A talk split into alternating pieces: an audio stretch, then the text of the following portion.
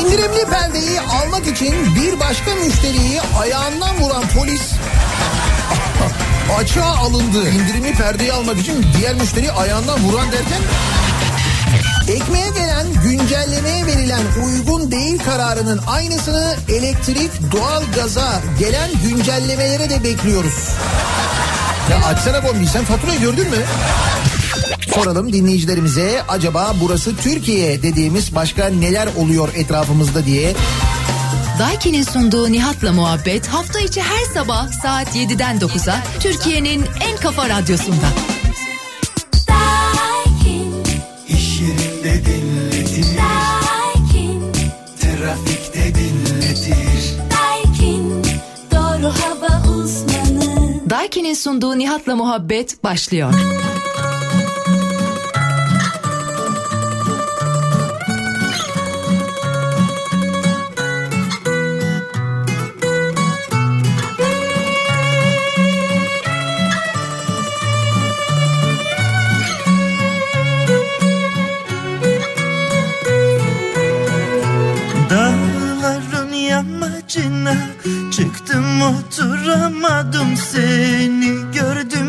Karşımda ama inanamadım kaçtım gittim oradan.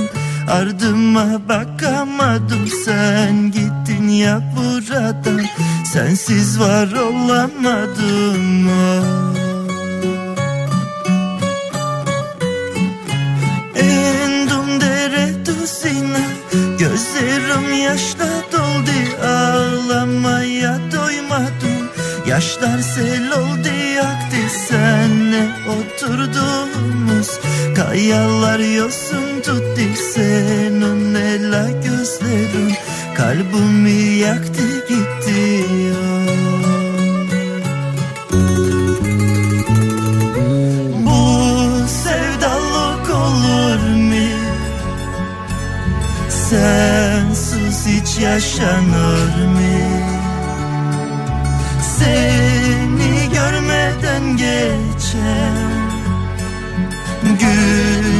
Günden sayılır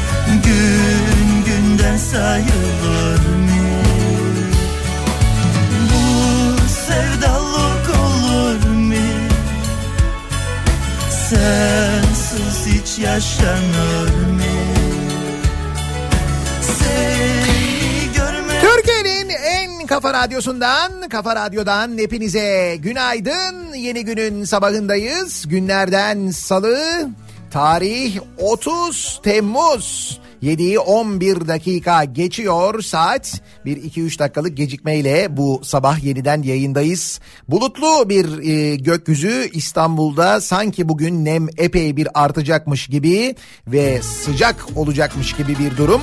Ki düne göre daha sıcak olacağını meteorolojiden öğrendik. Bunun yanında dün Ankara'da gün içinde 35-36 dereceler görülmüş. Ankara'da bu yılın en sıcak günü dün yaşanmış ki bugün ondan da sıcak olacak gibi bir bilgi var. İşte böyle bir salı gününe birlikte başlıyoruz. Günaydın. Gel ince beline yarim İstanbul gel öpeyim gerdanında.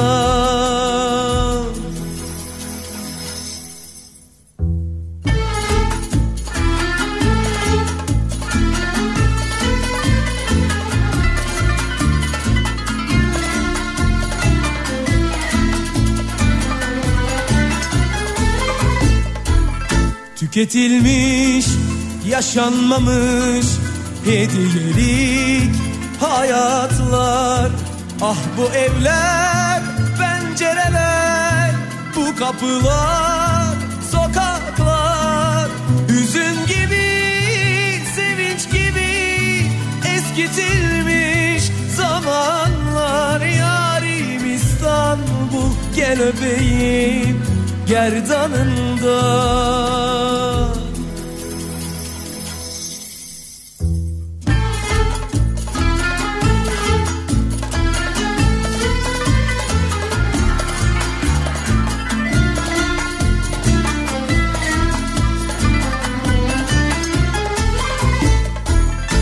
Minareler uzanmış gökyüzüne bağırır. Kara sevda nerelerden yüreğimi çağırır? Dua gibi büyü gibi ezberledim hasretini. Yarim İstanbul gel öpeyim gerdanında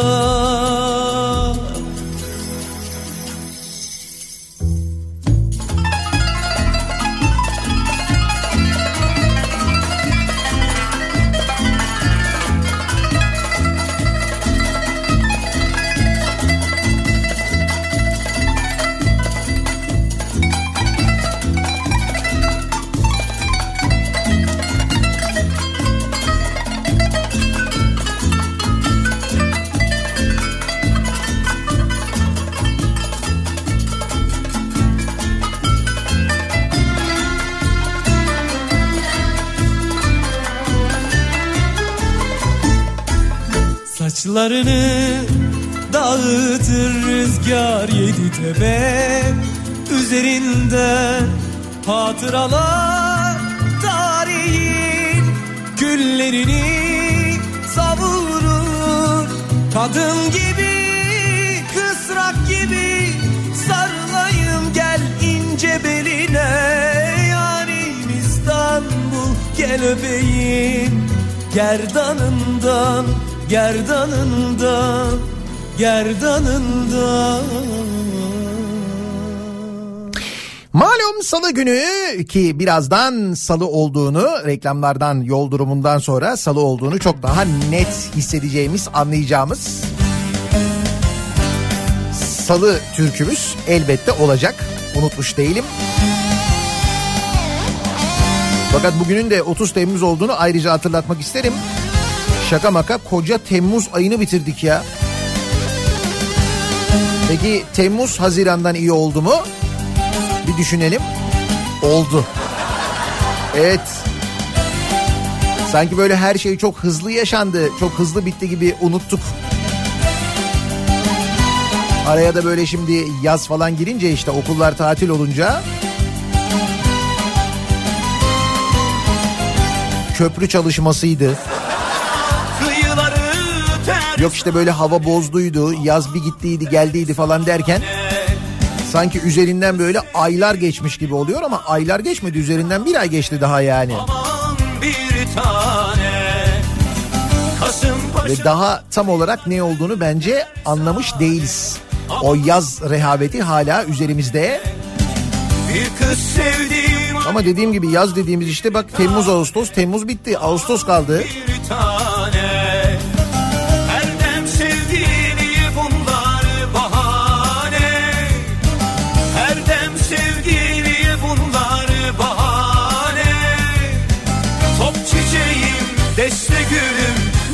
İstanbul'um. Top çiçeğim, deste gülüm, canım İstanbul'um. Top çiçeğim, deste gülüm, canım İstanbul'um. Top çiçeğim, deste gülüm, canım İstanbul'um.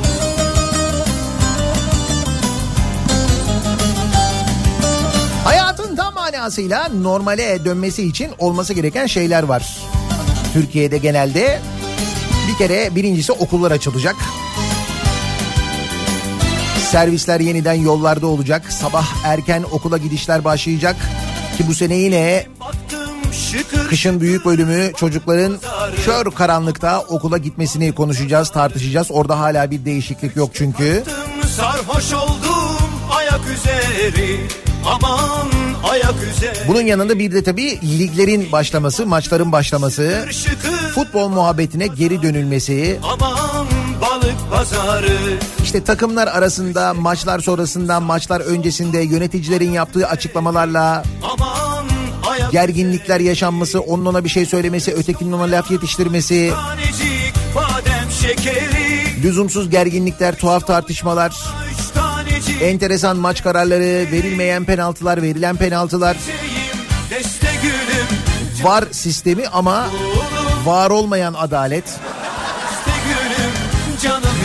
Yani çok böyle hani şey diye düşünüyordum ben bu var sistemi gelmeden önce diyordum ki yani işte bu kadar teknoloji var. Burada da konuştuk kaç sefer söyledik. Elbette böyle bir sistem kurulmalı, edilmeli. 2019 yılına gelmişiz. Böyle bir teknoloji varsa bu teknolojiden tabii ki faydalanılmalı. Böylelikle adaletsizliklerin önüne geçilir. Bütün futbol takımları için, herkes için söylüyorum bunu ki dünyada da uygulanıyor. E ne oldu? Bizde de uygulanmaya başladı. Peki ne oldu? Ee, bir işe yaradı mı? Yaramadığı gibi daha tartışmalı oldu. Ama bir tek bizde böyle ha. Dünyada böyle değil yani. Dünyada var geldi. Tartışmalı pozisyon diye bir şey neredeyse kalmadı. Yani çünkü görüntüsü var işte bir, dijital olarak izliyorsun bakıyorsun işte eline değmiş mi bakıyorsun görüntüde görünüyor değmiş. Bizde bakıyorsun, bizde daha doğrusu bakamıyorsun. Önceden bakıyordun. Sana görüntüyü gösteriyordu. Şimdi görüntüyü göstermiyor da mesela. Biz o noktaya kadar geldik. Benim kilom kaçtı Ha, şu noktadayız aynı zamanda. Görüntüyü değil, maçı görmeme noktasındayız bu arada. ekstralar Çünkü niye? Yayıncı kuruluşla federasyon arasındaki dün yapılan görüşme sonuçsuz kalmış. o benim hayatımın tuzu biberi Hatta konuyla alakalı Financial Times'ın Türkiye muhabiri Laura Pittle'a açıklamalarda bulunan Dijitürk mevcut anlaşma açıkça sürdürülemez. Hiçbir şirketin 2016 anlaşmasının şartları altında çalışması mümkün değil. Bu eşsiz ekonomik durumda ligin finansal diriliğini sırtlama sorumluluğunu sadece biz almamalıyız. Ekonomik durum bütün şirketleri etkiliyor denilmiş. Onu çok sevmek söylemeye yarar Konuya yakın bir kaynağın aktardığına göre 2015 yılında Katarlı Bin Medya tarafından satın alınan Dijitürk'ün yöneticileri bir Türk futbol kulüplerinin onları ekonomik zorluklardan kurtaracağını beklemesinden memnun değil. Konuya yakın bir başka kaynaksa Katarlı şirketin blöf yaptığını ve bahsedilen meblağın şirket için büyük bir miktar olmadığını ifade etmiş. Giydim Futbol Federasyonu ile BİN arasındaki görüşmeler yakın bir görüşmeleri yakın bir başka isimse iki taraf arasındaki anlaşmazlığın tek kaynağının bu olmadığını söylemiş. Öyle mi? Başka bir şey de mi varmış?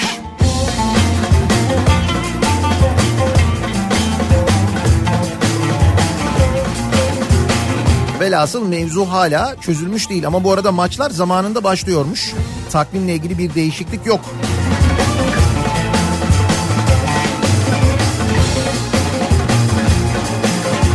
Peki hal böyleyse bu kadar büyük bir sıkıntı varsa kulüplerin bu mali durumunu kurtarabilecek onları gerçekten çok ciddi manada geleceğini dolayısıyla Türkiye'nin futbol konusundaki geleceğini spor konusundaki geleceğini de etkileyecek bir durumsa eğer bu yayıncı kuruluşla ilgili bir sıkıntı varsa neden Futbol Federasyonu bu anlaşmayı tamamen iptal etmiyor?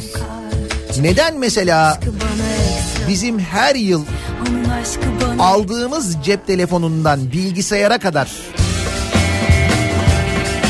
kullandığımız elektrik faturasından satın aldığımız otomobile kadar neredeyse her şeyde pay ödediğimiz deli gibi paralar akıttığımız TRT bu maçların yayın hakkını alıp o istenilen parayı ödemiyor Futbol Federasyonu'na. Neticede yabancıyı ödemeyecek. E yabancıdan da almıyor parayı. Öyle değil mi? Bizden almıyor mu? İşte Türk futbolu deniyor. O zaman çıksın Türkiye'nin radyo televizyon kurumu. Fedakarlıkta bulunsun o devasa bütçesini aptal saptal işlere harcayacağına. Bu iş harcasın. Maçlarda TRT'de yayınlansın. Olmaz mı? Hayır o kadar bandrol parası ödüyoruz. O kadar elektrik payı ödüyoruz. O kadar yani bu kadar TRT payı ödemişken bu ödediğimiz TRT payının en azından bir işe yaraması için yani. Madem ortada da böyle bir kriz var, madem bir ekonomik kriz var, madem kulüplerin paraya ihtiyacı var, madem TRT'de para var, madem TRT'ye biz para veriyoruz, vermiyoruz, akıtıyoruz.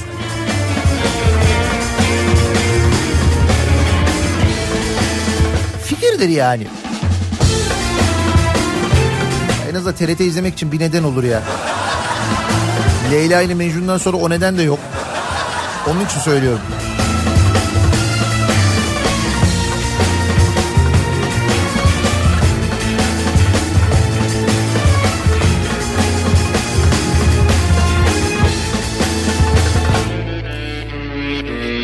Sabahındayız. Nasıl bir sabah trafiğiyle güne başlıyoruz? Hemen dönelim son duruma bir bakalım. Kafa Radyo Yol Durumu. İkinci köprüdeki çalışmanın bitmesi ve dün yaşanan olağanüstü rahatlık ikinci köprü yolundaki olağanüstü rahatlık yavaş yavaş insanların bunu öğrenmesiyle normal akışına dönmeye başladı diyebiliriz. Ama yine de bu sabah an itibariyle ikinci köprü Anadolu Avrupa geçişinde gayet rahat ve şu anda ikinci köprüyü kullanmanızı öneriyoruz zaten. Biraz Tır Parkı üçüncü köprü sapağı civarında biraz da Kavacık girişinde yoğunluk var. Genel olarak akıcı durum birinci köprüde ise Çamlıca rampası ortasından itibaren başlayan yoğunluğun köprü girişine kadar aralıklarla sürdüğünü görüyoruz. Avrasya Tüneli geçişi gayet rahat. E, Harem iskelesinde ve aynı zamanda e, Çubuklu iskelesinde bir kuyruk yok. Buralarda tercih edilebilir. Avrupa yakasında Tem'de Bahçeşehir tarafı trafiği başlamış. Bahçeşehir öncesi Altınşehir arası yoğunluğun epey fazla olduğunu görüyoruz. Bu noktaya geçtikten sonra hareketli bir trafik var. Ta ki e, İstoç'un önünü geçene kadar köprü yönünde İstoç'un önünde tam böyle kavşakta İstoç'u geçer geçer geçmez trafiğin durduğunu görüyoruz. Buradan itibaren başlayan bir yoğunluk var. Sebebi e, Tem'de meydana gelen bir kaza. Tem Karayolları Akşemsettin Viyadüğü arasında meydana gelen bir kaza var. Bu kaza sebebiyle e, yaşanan bir yoğunluk var ki kaza yapan araçlar emniyet şeridine alındığı halde izleyenler sebebiyle bu noktadan itibaren başlayan yoğunluk geride şu anda İstoç'un baş İstoç'un oraya kadar dayanmış vaziyette. Buradan başlayan bir yoğunluk var. E5'i kullanacak olanlar içinse Avcılar girişi Küçükçekmece arasında bir miktar yoğunluk var. Küçükçekmece'ye geçtikten sonra gayet açık bir trafik olduğunu görüyoruz. Sonrasında E5'te ciddi bir sıkıntı yok. Sahil yolunun da açık olduğunu söyleyebiliriz sevgili dinleyiciler. Bir ara verelim. Reklamların ardından yeniden buradayız.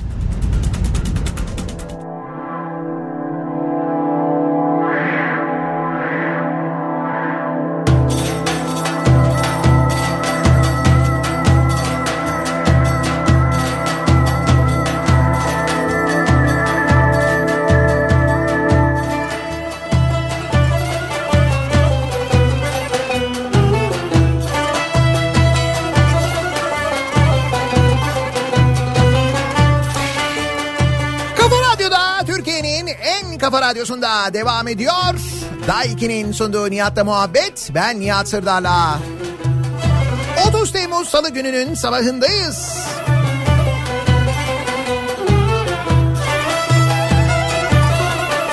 Ankaralılar için bir müjdemiz. Türkiye geneli için daha büyük müjdelerimiz. Elbette Canikos'u haberlerimiz ve yeni sistemle ilgili yeni bir tartışmamız var. Nur topu gibi. Hatta belki de şen topu gibi de diyebiliriz. Evet yeni sistemle ilgili konuşacağız. Bir değerlendirme yapacağız ilerleyen dakikalarda ama oraya gelene kadar çok haberimiz mevcut. Mangalın üstünde köfteler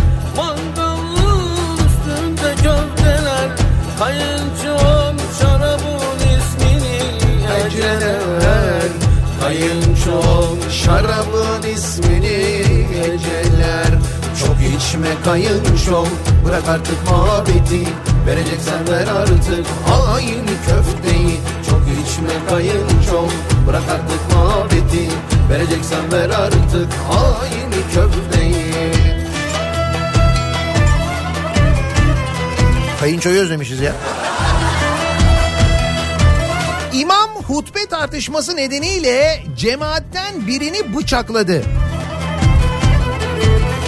İmam cemaatten birini hutbe tartışması yüzünden mi bıçakladı? Geldiğimiz nokta. Sakarya'nın Akyazı ilçesinde hutbe nedeniyle çıkan tartışma sonucunda imam vatandaşı belinden çıkardığı bıçakla yaraladı. İmam camiye belinde bıçakla mı gidiyormuş? Yoksa Sakarya'ya Akyazı'ya dair bir adet bu bizim bilmediğimiz öyle bir şey mi var bir gelenek mi?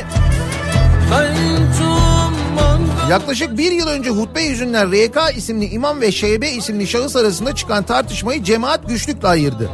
O mazisi var bir yıl önce ilk tartışma çıkmış. Daha sonraki günlerde birkaç kez daha tartışan imamla Şeybe adlı şahıs sabah saatlerinde bir kez daha tartıştı. İmam RK'yi babasının cenazesinin okumasına gelmemesi konusunda uyaran ve hakaret ettiği ileri sürülen Şeybe şarabın İmamı darp etmeye çalışınca imam yanında getirdiği bıçakla Şeybe'yi bıçakladı. Ne oldu? Hutbeden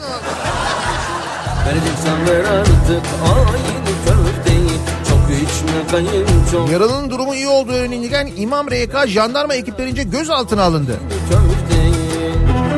Ona göre yani hutbeyle ilgili bundan sonra bir şikayetiniz olduğunda Hoca efendi buraya siyaset karıştırmayalım yapmayalım falan. Sonra yukarıdan bir bakıyorsun bugün çünkü bıçakla başlar oradan bir bakarsın ok atmış. Zıt diye böyle vurmuş. Aa ok demişken Ankaralılara müjdem var demiştim ya. Heh, onu söyleyeceğim.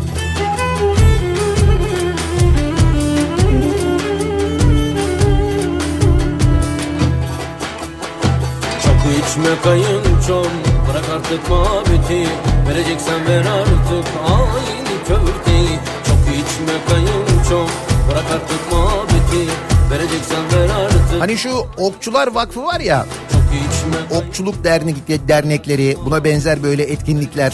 Hatta İstanbul'da mesela Riva'da e, okçuluk vakfına verilen kocaman bir arazi içine bir sürü böyle yapı yapılmış. Geçerken görürsünüz Riva yolunda böyle yolun sol tarafında Riva'ya doğru giderken görülüyor. Epey de para harcanmış içine belli ki onu da vakfın harcamadığı belediyenin harcadığı belediyenin bütün bunları yaptıktan sonra verdiği belli. Tabii eski belediyenin diyeyim ben. Şimdi son haber Ankara Çay yolundan Ankara Çay yolundaki park alanı ile ilgili alan seçime iki gün kala Mustafa Tuna imzasıyla 29 yıllığına Okçuluk Derneği'ne verilmiş. Ben de diyorum çay yolunda bir şey eksik, bir şey eksik, ne eksik? Çay yolunda ok eksik. Tabii canım ok yok, okçuluk yok, ok atacaksın bir yer yok. Bu dil buranın dili değil Bu dil buranın Evet. Bugün günlerden salı. Bu dil İstanbul dili neler Dur İstanbul'dayız. Ankara'ya döneceğiz. İstanbul dili neler Elvan elvan memeler Kavuşamıyor düğmeler Bugün günlerden salı Yar ilmi reyhan dalı Gören maşallah desin Digi digi dal dal digi dal dal Elvan elvan memeler Kavuşamıyor düğmeler günlerden salı Yar ilmi reyhan dalı Gören maşallah desin Digi digi dal dal digi dal dal Evet, tam olarak salı olduğumuza göre devam edebiliriz. Okçuluk Derneği'ne devredilen 10.420 metrekarelik alanın 6.621 metrekaresinde inşaat çalışmasına başlanmış Ankara Çayyolu. İnşaat yapımı ruhsatı AKP'li Ankara Büyükşehir Belediye Başkanı Mustafa Tuna'nın 31 Mart seçimlerine iki gün kala alelacele verdiği ortaya çıkmış. Dernek sondaj ve inşaat çalışmalarına başlamış. O senin değil Koru Mahallesi muhtarı Türkan Yezer bir mahalleli olarak bu projeyi biz mahalleli olarak bu projeyi istemedik. Çok sayıda dilekçe verdik. Koru metrosu etrafındaki yaşam alanlarımız giderek daralıyor. Bu alan söz konusu projeyi kaldıramayacak durumda nefes alacak alanımız kalmayacak demiş. gün günlerden salı Yar ilmi Diyorum ya çay yolunda eksik olan ok ve okçuluktu yani.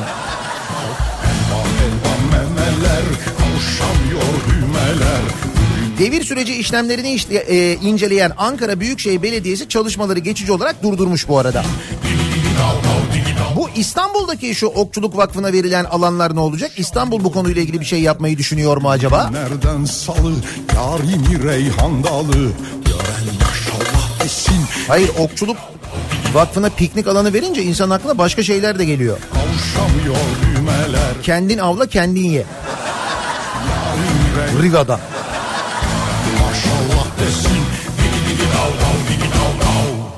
Poşete para vermek istemeyen vatandaştan yeni yöntem. Onunla mı yöntemini bulmuşuz? Ne yapmışız? Marketlerde poşete para vermek istemeyen vatandaşlar manav reyonlarında ücretsiz verilen ince poşetlerden çok sayıda alarak ürünleri bu poşetlere koymaya başladı. Türk Plastik Sanayicileri Araştırma Geliştirme ve Eğitim Vakfı'ndan alınan bilgiye göre plastik poşet üreticilerinin manav reyonlarında ücretsiz dağıtılan ince poşet satışları yılbaşından bu yana yüzde yüz artmış. Yani o ince poşete talep acayip artmış. E ne oldu biz poşetten uzaklaşmak için yapıyorduk hesapta bunu ne oldu? İnce poşetten alıp onları iç içe geçirip iki tane Haydi cevap ver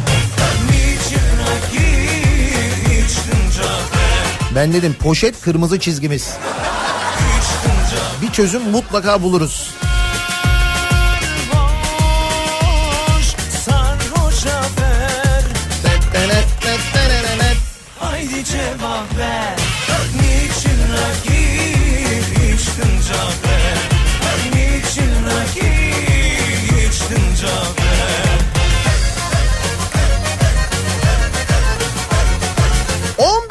Önce açılan milyonluk şehir hastanesini su bastı.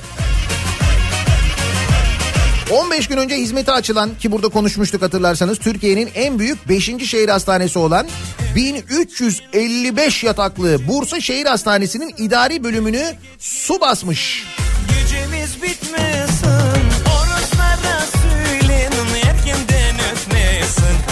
Tavandan bir anda sular boşalmaya başlamasıyla mesai yapan çalışanlar neye uğradığını şaşırarak sağa sola kaçışmış. Suyun ağırlığını taşıyamayan tavan bir müddet sonra çökmüş. Ama büyük hastane. Çok büyük yani. En büyük yani böyle kocaman yani. Nilüfer ilçesine bağlı Doğanköy mahallesindeki Bursa Şehir Hastanesi'nin şehir merkezine uzaklığı 20 kilometre. Hakikaten otobandan geçerken görüyorsun etrafında hiçbir şey yok ya. Şehirde değil yani. Hastaneye ulaşım yeni konulan 3 adet otobüs hattıyla sağlanıyor. Şehir merkezinden hastaneye ticari taksiyle giden hastalar 230 ila 250 lira taksi parası ödemek zorunda kalıyor.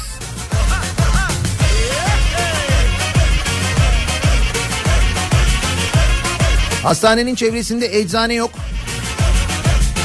Çok içmişsin Cafer Haydi geç ve Bursa şehir merkezindeki hastaneler de ki Bursa şehir merkezinde olan hastaneler onlar yani Bursa merkezinde çok böyle iyi konumdalar. Bu arada iyi konumdalar derken o konumun iyi olmasının sebebi o hastaneler aslında zaten. Şimdi o iyi hast iyi konumdaki hastaneler kapatılıyor ki insanlar mecburen Bursa Şehir Hastanesi'ne gitsin diye. Haydi cevap 6 tane hastane kapatılıyor Bursa şehir merkezinde ki aynısı Ankara'da da yapıldı, yapılıyor, yapılmaya devam ediliyor. Daha çok konuşacağız. Şehir hastanelerini çok ödeyeceğimiz paraları konuşacağız. Ödemek zorunda kalacağımız paraları konuşacağız ve gün gelecek o şehir hastanelerini kapatacağız. Yeniden şehrin merkezindeki hastanelere döneceğiz. Çözümün onlarda olduğunu, onun daha sağlıklı bir çözüm olduğunu, o hastaneleri modernize etmenin, oradaki hizmeti e, daha kaliteli hale getirmenin doğru olduğunu anlayacağız, öğreneceğiz ve elimizde böyle kocaman kocaman binalar öyle atıl olarak kalacak. Yazın bunu 30 Temmuz 2019 Nihat demişti dersiniz. O defter var ya Nihat demişti defteri. E yazın oraya.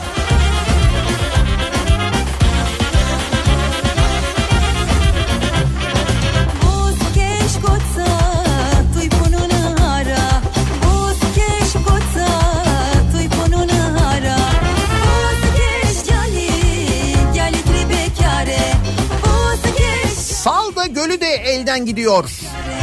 Salda Gölü, Burdur Salda Gölü birinci derece sit alanı ilan edilen birçok endemik bitkiye ev sahipliği yapan Türkiye'nin Maldivleri denilen Salda Gölü.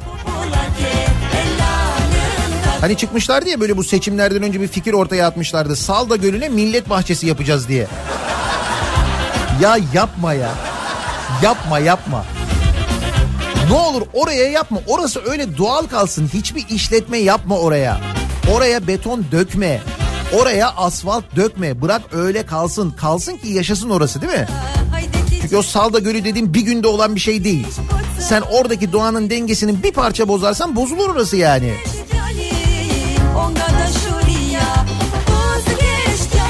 Çevre ve Şehircilik Bakanı Murat Kurum Şubat ayında Twitter hesabından Salda Gölü ile ilgili Salda Gölü'nün imara açılması veya etrafının betonlaşacağı şeklindeki iddialar asla doğru değildir.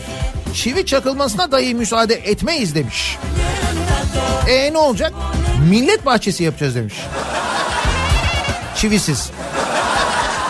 Çivisiz, betonsuz. Ne olacakmış millet bahçesi yapılınca? Bakın ne olacakmış? Projede oyun alanları. Bu oyun alanlarını yapmak için ne yapmak lazım? Beton dökmek lazım. Konaklama yerleri. Ne yapmak lazım? Beton dökmek lazım. Otopark. Ne yapmak lazım? Otoparkı tahtadan mı yapacağız? Tamamen ahşaptan mı otopark yapıyoruz? Bunlar nasıl yapılacak? Bunlar bu şekilde yapılacak işte.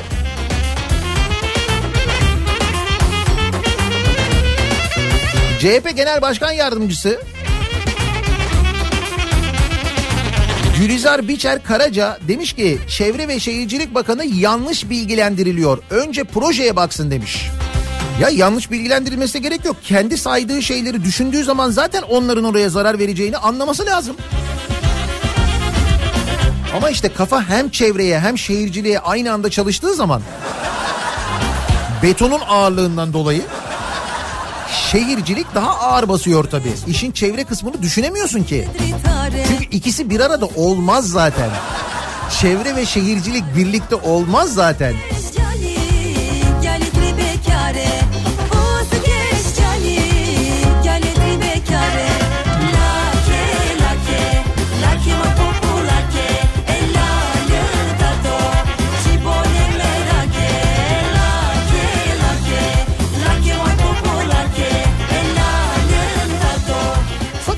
Biz bu çevre olayını gerçekten tam anlayabilmiş, kavrayabilmiş değiliz. Yani çevrenin önemini.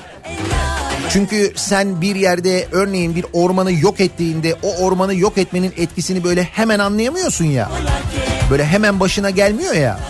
üstünden epey bir zaman geçiyor ya herhalde ondan dolayı ya aradaki böyle sürenin uzunluğundan kaynaklanıyor anlamıyorsun onu yoksa anlasan yani dünyanın en çok oksijen çıkan yerlerinden biri olan Kaz Dağları'nda altın madeni için ya da başka madenler için ruhsat vermezsin. Oradaki tek bir ağaca bile kıymazsın, kıyamazsın. Gözünün içi gibi bakarsın oraya. Bakman gerekir. Sen bakmadığın gibi Kanadalı bir şirkete altın madeni yapsın diye orada izin veriyorsun. Altın madeni açsın diye izin veriyorsun. O şirket geliyor orada on binlerce ağacı kesiyor. Şimdi bunu zaten biliyoruz değil mi? Kaz Dağları'ndaki ağaç katliamını biliyoruz zaten. Sonra bakanlığın yaptığı komik açıklamayı da biliyor. Orası Kaz Dağları değil 40 kilometre var oraya. Ha iyi 40 kilometre ötedeyse tamam o zaman orada 195 bin ağaç kesilmemiş 13 bin ağaç kesilmiş. Ya arkadaş göz var izan var görüntüler var nasıl 13 bin ağaç kesilmiş o alanda görmediniz mi görüntüleri? Geçtim ne fark eder ki ha 195 bin kesmişsin ha 13 bin tane kesmişsin bir şey değişmez. Kesmiş misin sen oradaki doğayı doğanın dengesini bozmuş musun? Sadece onunla mı kalacak o ağaç kesilmesiyle mi kalacak? Orada o maden işlemeye başladığı zaman oradaki doğa sonrasında da zarar görmeyecek mi? Evet görecek. Geçmişte açılmış altın madenlerini sonra terk edilmiş altın madenlerinin durumunu o alanın durumunu gördünüz mü? Bir de yalan söylüyorlar orası yeniden ağaçlandırılacak falan diye. Ağaçlandırılamaz ondan sonra oralar. Onu da biliyoruz. Ben size daha beter bir şey söyleyeyim mi? Bütün bunların üstüne biz bu Kanadalı şirkete, bu maden arayacak olan şirkete 865 milyon lira yatırım teşviği vermişiz bunu biliyor musunuz? Üste 865 milyon lira. Düşünebiliyor musunuz? Resmi gazetenin gazetede 28 Temmuz tarihli tebliğe göre yayınlanan tebliğe göre Mayıs ayında 501 kurum ve kuruluşa çeşitli destekleri içeren 13,5 milyar lira yatırım tutarlı teşvik belgesi verilmiş. Bu kurumlar arasında yer alan Doğu Biga Madencilik, Çanakkale'nin Kirazlı köyünde altın madeni için ÇED raporunda 45 bin ağaç kesileceğini belirtmesine rağmen 195 bin ağaç kesmesiyle geçen ay gündeme gelmişti. Şirket 865 milyon lira bedelli ve yıllık 3.8 ton kapasiteli altın ve gümüş madenciliği zenginleştirme yatırımı için teşvik belgesi almış. Doğu Biga Madencilik Kanadalı şirket Alamos Gold'un taşeronluğunu yapıyor. Kanada Başbakanı'na yazıyor musunuz bu arada? Senin Kanada'nda böyle yapılsa böyle değerli bir yerde böyle değerli bir arazide sizin ülkenizde böyle bir şey yapılsa ne derdiniz Sayın Başbakan diye soruyor musunuz Kanada Başbakanı'na? Kanada'da yaşayan dinleyicilerimize soruyorum özellikle.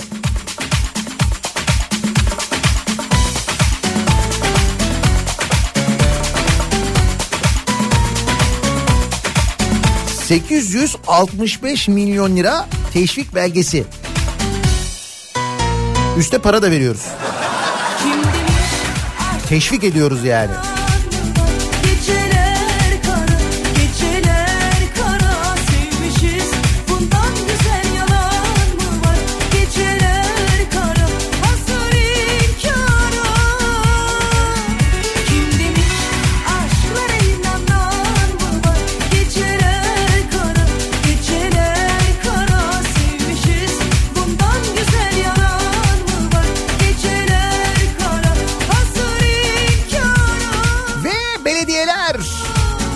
Yeni belediyelerdeki görevlendirmeler AKP tarafından CHP tarafından fark etmiyor.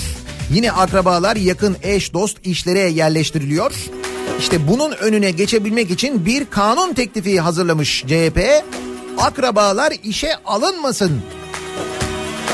Yerel yöneticilerin birinci derece yakınlarının belediye, iştirak ve şirketlerde görevlendirilememesi, kendilerinin belediyeden herhangi bir ikinci maaş ve ödeme alamamaları konusunda bir kanun teklifi hazırladıklarını ve meclis başkanlığına sunacaklarını söylemiş Özgür Özel. E şimdi bugün gazetede haber var mesela orada da birinci derece ya birinci derece yakınlar da var tabii de mesela birinci derece olmayanlar var. Birisi mesela damadını yapmış. Biri kuzenini belediyede sekreter olarak görevlendirmiş. Bir başkası amcasının oğlunun eşini özel kalem müdürü yapmış. Halasının eşini kendine başdanışman atamış.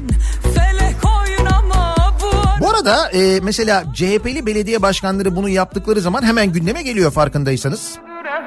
Sonra da ne oluyor? Görevlendirmeden vazgeçiliyor. O görevi alan işte istifa ediyor, ayrılıyor. Böyle bir tepki oluyor çünkü.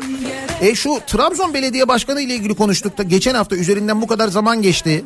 Trabzon Belediye Başkanı yine kendini şirketlerin başına müdür atamış. Kez, keza Bursa Belediye Başkanı da öyle. Trabzon'da birçok yakınını tanıdığını yine belediyeye getirmiş. Onlar ne oldu peki? Onlarda bir böyle istifa, geri adım atma falan oluyor mu? Olmuyor değil mi? Ha, onu da bilelim de onun için söylüyorum.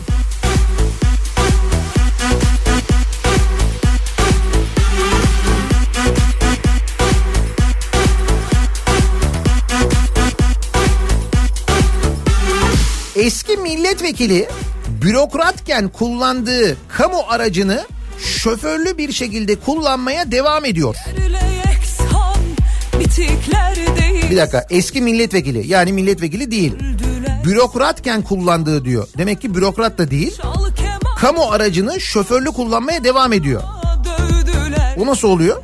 Ah, İyi Parti Genel Başkan Yardımcısı Durmuş Yılmaz. Eski Merkez Bankası Başkanı'dır Durmuş Yılmaz hatırlayınız. Sonradan milletvekilliği de yapan bir eski bürokratın bürokratken kullandığı resmi aracını şoförüyle birlikte kullanmaya devam ettiğini söylemiş. Zemberekten Allah Allah kimmiş bu ya? Yani hem bürokrat değil hem milletvekili değil ama kamu aracını kullanmaya devam ediyor. Melik Gökçek? Yok o jipi kullanmaya devam ediyordu. Tamam. Bu milletvekili diyor milletvekili değildi.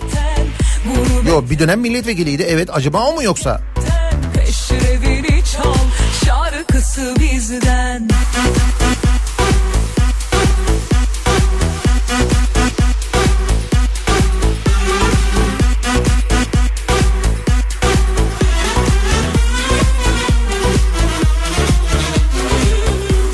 E bir de bu haber var. Milyonlar işsiz, onlar çift dikiş. Kimmiş onlar? CHP milletvekili Ali Mahir Başarır'ın soru önergesi Ulaştırma ve Altyapı Bakanlığı'ndaki 9 bürokratın aynı zamanda çeşitli müdürlüklerde yönetim kurulu üyesi olduğunu ortaya çıkarmış. Gerek Başarır EYT'liler, atanamayan öğretmenler, işsizler seslerini duyurmak için haykırırken bürokratlara çift dikiş maaş veriliyor demiş. Yani hem görev yapıyorlar, yaptıkları görevin haricinde başka görevlendirmelerle de ki belediyelerde de bu oluyor biliyoruz işte. O şirkette yönetim kurulu üyesi burada böyle bilmem ne falan derken bir sürü yerden maaş alınıyor yani. İşte o Ulaştırma Bakanlığı'nda da devam ediyormuş aynı zamanda. Yalnız benim aklım hala bu 865 milyon liralık yatırım teşvik belgesinde ya. O ağaçlar kesilsin diye, orada maden açılsın diye biz üste bir de teşvik etmişiz öyle mi ya?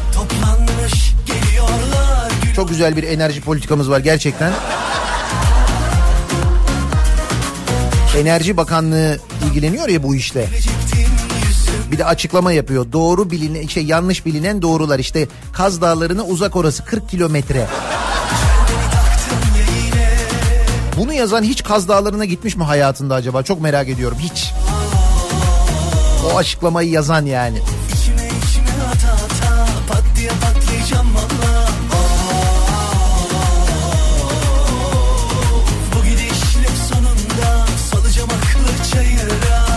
Elektrikte zam şampiyonu olmuşuz. Güzel bir şampiyonluk haberi lazımdı. Biraz moral için. 2003 yılından 2019 Mayıs ayına kadar Türkiye'de elektrik faturasındaki artış oranı yüzde 307 olmuş. Elektrik Mühendisleri Odası İzmir Şubesi'nin çalışmasına göre Türkiye OECD ülkeleri arasında elektrik faturasının en çok arttığı ülke. Yüzde 307. İyiymiş. Hakikaten şampiyonluğu hak ederek kazanmışız. Yüzde 307 öyle mi?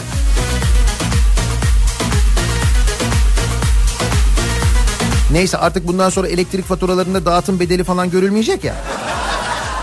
En azından çok hissetmeyiz öyle düşünüyorum yani.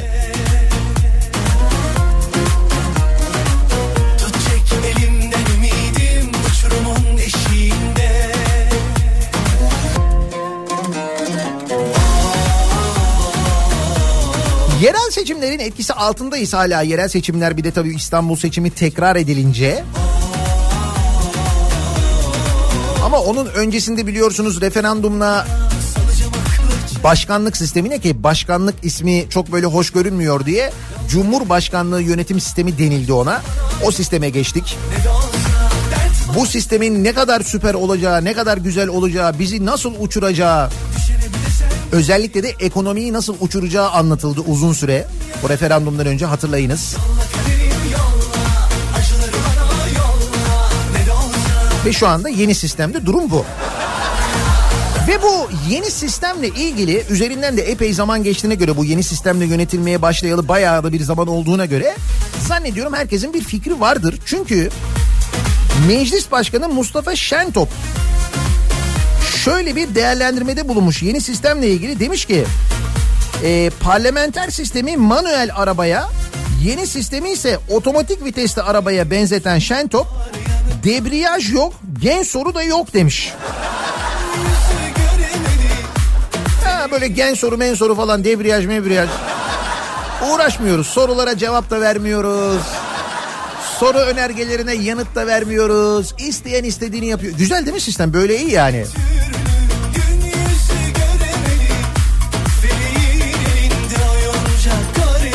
Peki sizce yeni sistem neye benziyor?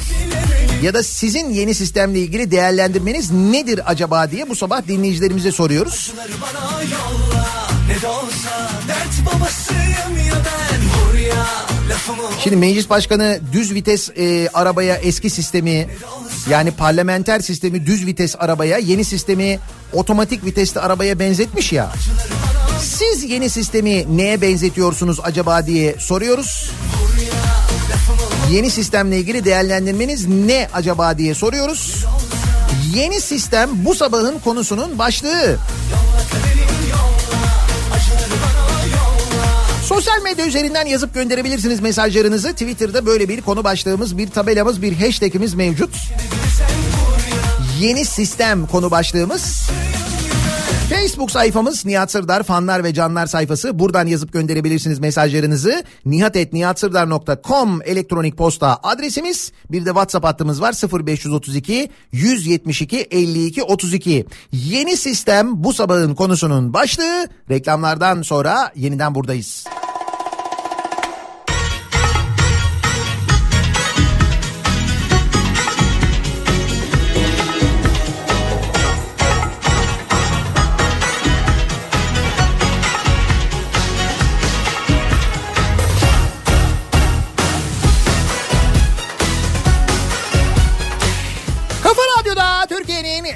Kafa radyosunda devam ediyor. Daiki'nin sunduğu Nihat'la muhabbet. Ben Nihat Sırdar'la. Salı gününün sabahındayız. 8'i 2 dakika geçiyor saat. Yeni sistem üzerine konuşuyoruz. işindeyim Parlamenter sistemi terk edip Cumhurbaşkanlığı yönetim sistemine geçtik biliyorsunuz. Başkanlık sistemine geçtik yani. Ve bu sistemle ilgili meclis başkanının bir değerlendirmesi var. Parlamenter sistemi manuel arabaya, yeni sistemi otomatik vitesli arabaya benzetiyor meclis başkanı. Debriyaj yok, gen soru da yok demiş. Gen soru debriyaj mıymış? Siz neye benzetiyorsunuz acaba yeni sistemi? Eski sistem neydi, yeni sistem ne oldu diye dinleyicilerimize soruyoruz bu sabah. Yeni sistem konu başlığımız. aç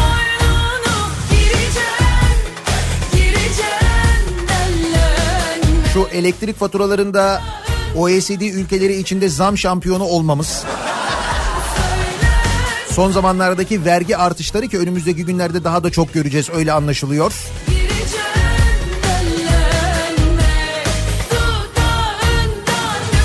Böyle bir öpücüklü şarkıyı ister istemez insanın hakkına getiriyor.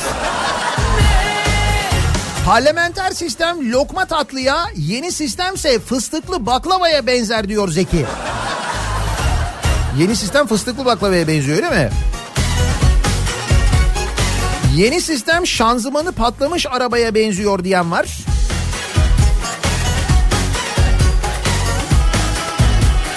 Yeni sistemde yasama yok, yürütme yok, e yargı yok.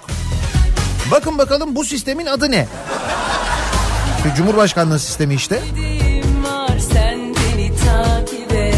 Neydi işte erklerin ayrılığı değil mi? Güçlerin ayrılığı. O onu tamamen gömdük zaten. Hatta zaten çok rahatsızlık ondan. Yasama, yürütme, yargı bunların birbirinden bağımsız olması, birbirini denetleyebilmesi falan. Denetleme nedir canım zaten? Ne saçma bir şeydi o yani.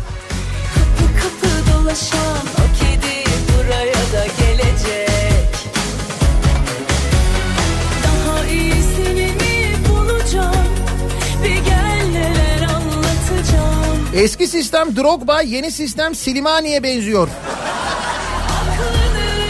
Ha, böyle de bakılabilir evet.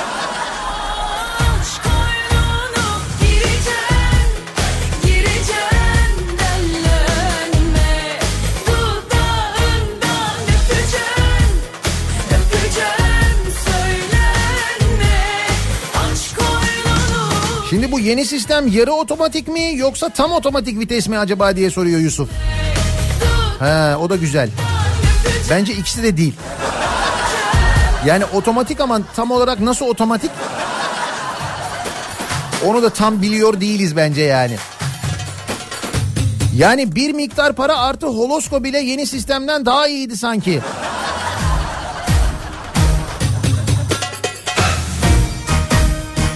Yeni sistem freni patlamış tırın yokuş aşağı gitmesi. Sonuç engellenemez.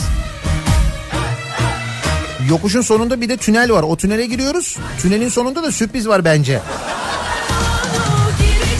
Diyorlar ya hep bir tünel var. Tünelin ucunda bir, bir şey var. Bir şey geliyor bize doğru falan diye.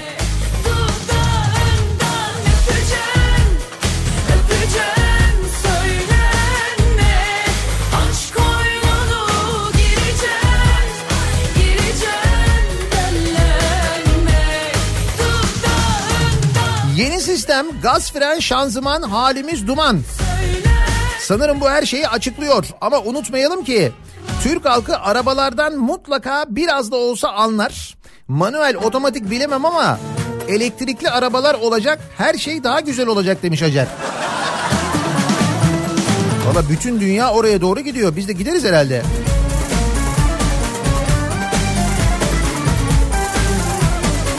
Otomatik vites arabalar çok yakıyor. Benim tercihim manuel araba. Ha, Daha az yaksın diye yani. Allah Allah Saralım yaraları geçelim oraları O gece yarıları eyvah eyvah Git bir gez dolaş benim gibisini Bence yeni sistemle birlikte bizimle daha kolay dalga geçilebiliyor diyor Mehmet. İstanbul'da Enerji ve Tabii Kaynaklar Bakanlığı demiş ki Kaz Dağları'nda faaliyette bulunan firma hatıra ormanı oluşturacak demiş. Ah canım. Zahmet etmesinler ya. Bizim için bir de hatıra ormanı uğraşmasınlar o kadar. Ne koyacaklar hatıra ormanının ismini? Ottawa Hatıra Ormanı mı? Öyle mi olacak acaba?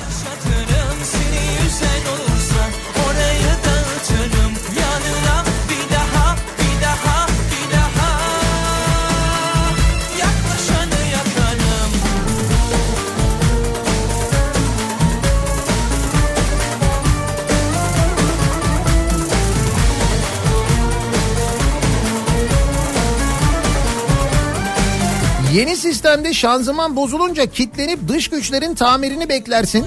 Ama eski sistemde vitesi boşa alıp kendin vurdurursun hemen çalışır. İşini halledersin dış güçleri beklemezsin diyor. Ankaralı metrobüs göndermiş. Şimdi otomatik vites, düz vites benzetmesi yapınca aslında bu benzetme de fena değil. Değil mi? Kör olası dış güçler. Öyle bir aşık gördün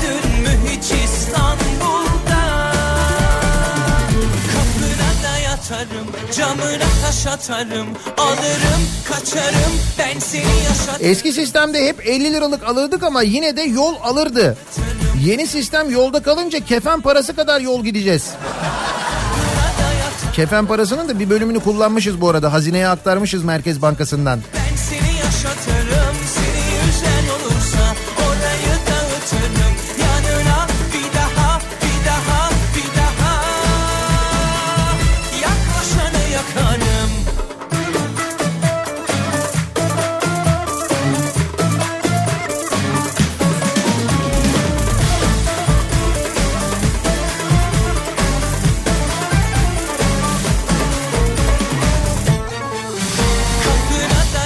Yeni sistem az önce fonda çalan şarkıya benziyor. Hani aç koynunu geleceğim öpeceğim diyor ya.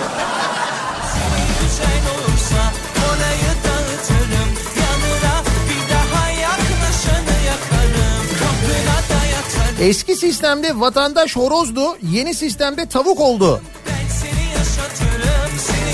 Üstelik yumurta hiç durmuyor orada. Hiç.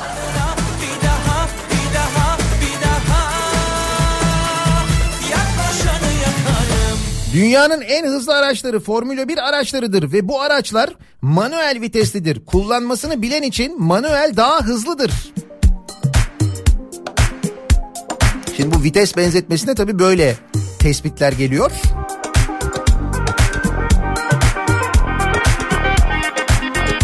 Sistem dediğin şey birbiriyle etkileşen veya ilişkili olan bir bütün oluşturan cisim veya varlıkların bileşkesidir. Yeni sistemde kimseden etkilenme ya da bütün oluşturma yok. Tek organın çalıştığı bir duruma sistem bile denemez diyor dinleyicimiz. Yani zaten bir sistem yok diyor.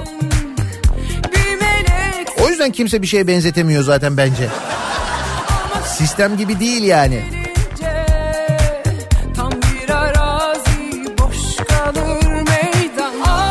Eski sistem kara tren, yeni sistem hızlı tren. Hızlı ama sürekli devriliyor diyor. Sezar göndermiş. Ver beni kurtulayım Ya kendime tam bir huzur Ya serserinin birine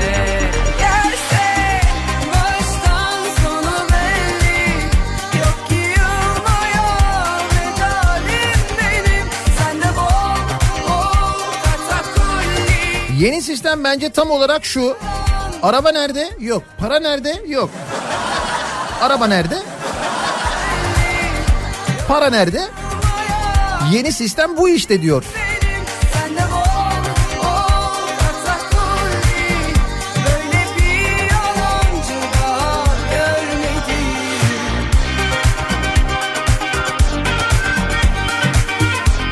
Yeni sistem yokuş aşağı freni patlamış damperli kamyona benziyor.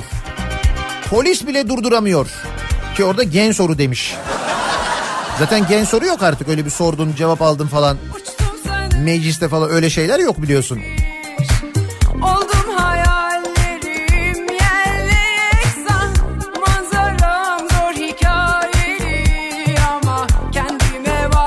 Yeni sistem tam bir metrobüs. Binsen bir dert, binmesen bir dert.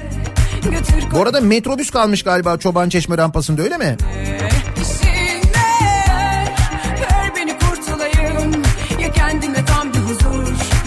Ya serserinin birine Araba kullanan herkes bilir ki otomatik şanzımanın masrafı fazla olur. Diyor İstanbul'dan Cem. Ya bir bakalım masraflar artmış mı? Yeni sistemde sanki.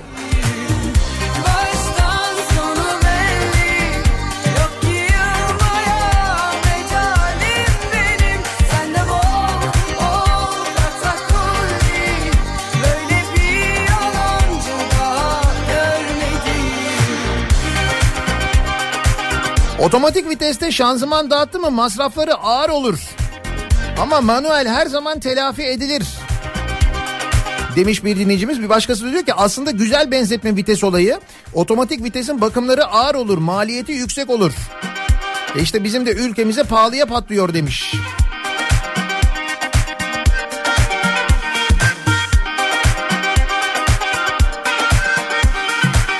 Abi bu yeni sistemde biz uçuyoruz ya. Evet uçuyoruz. Mesela uçarken otomatik viteste mi uçuyoruz? Yoksa manuel mi uçuyoruz acaba? Siz uçakta otomatik vites var mı diye mi soruyorsunuz? Güzel soru aslında fena değil. Bu uçakta var. Zaten sıkıntı da ondan kaynaklanıyor bence. muhteşemdi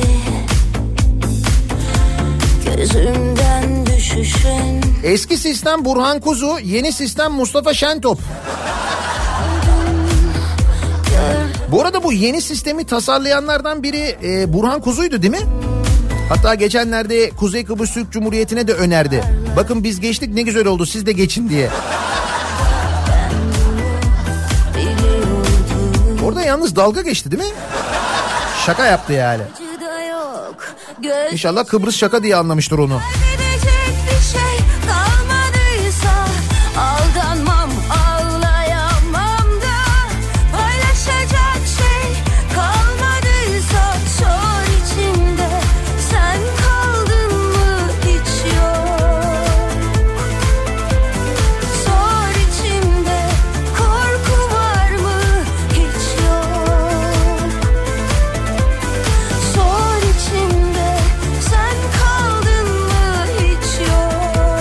Eski sistem tuşlu telefon, yeni sistem akıllı telefon. Sürekli güncelleme geliyor. Ama zamanla oturur.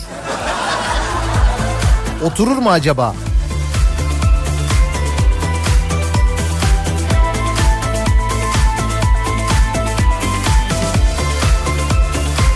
Yeni sistem tam bir patron şirketi diyor Ceren.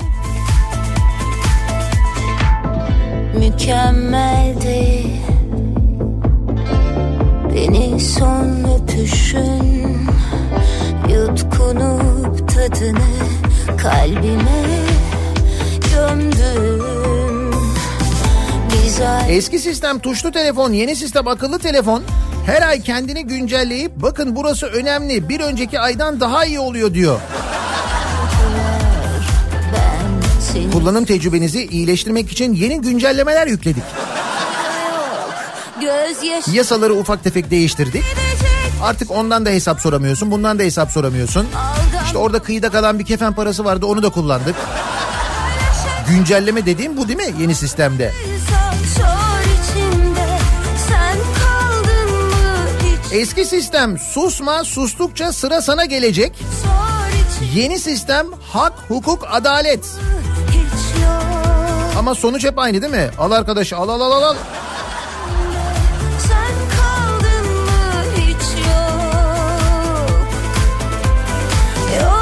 içimde.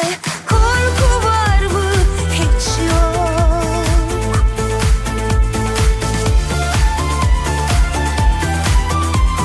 Yeni sistem 600 vekilin boşa maaş almasıdır, israftır diyor. Bir öğretmen dinleyicimiz göndermiş. Acı da yok gözyaşı da. Kaybedecek bir şey Aldanma Eski sistem kuyu kokoreç, yeni sistem tavuk döner. Kuyu kokoreç mi dedin?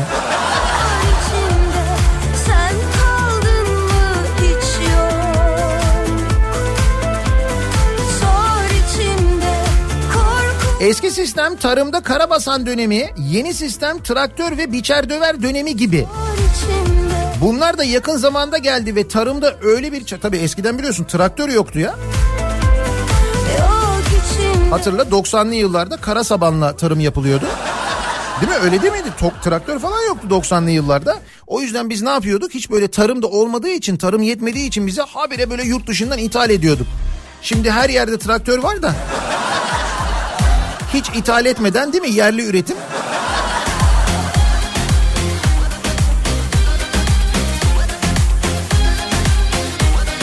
Yeni sistem piston aşağı.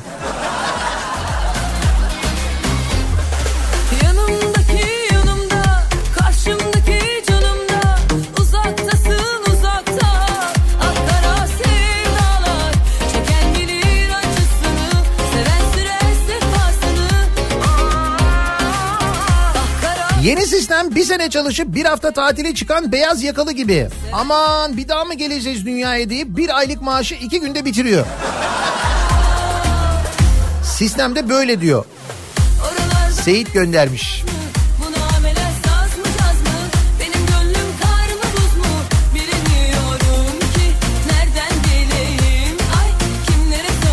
Yeni sistem arkasında S600L AMG yazan Anadolu gibi. Zaten Anadolu'nun arkasında anca sar o yazdıklarınız. Epey uzun çünkü.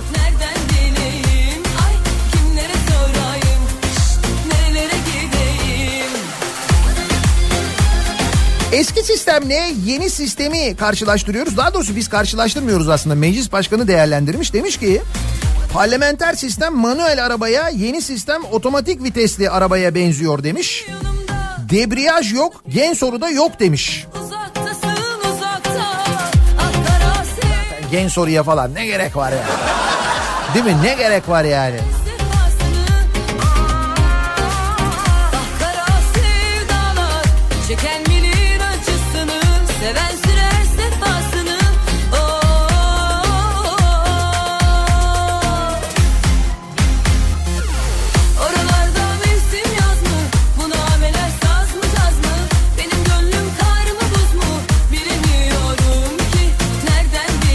Yeni sistem benim arabayı değiştirin diyor. Bu düz vites diyor. Eğlence paketsiz diyor. Tabii yeni sistemde makam araçlarını hemen değiştiriyoruz zaten. Orada hiç böyle şey yok. Mesela yeni kasası çıktı, yeni modeli çıktı, araba makyajlandı hemen. Anında makyajlı olana geçiyoruz hemen yani. Ötekini de garajda tutuyoruz bu arada. Onu da geri vermiyoruz ama yani.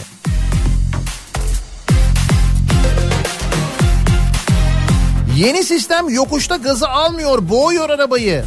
Eski sistemde iyi kötü yarım debriyajda kaldırıyorduk. Sedenay göndermiş.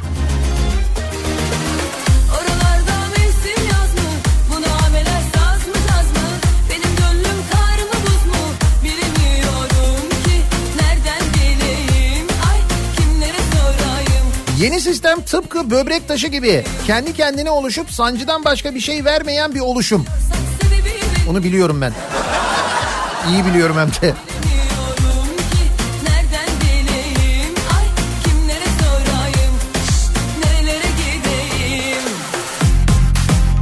Eski sistem metrobüs, yeni sistem Marmaray diyor mesela. Mehmet göndermiş. İkisinde de yolda kalıyorsun ama. Birinde mesela E5'te iniyorsun, birinde tren yolunda iniyorsun tabii. Öyle bir fark var arada.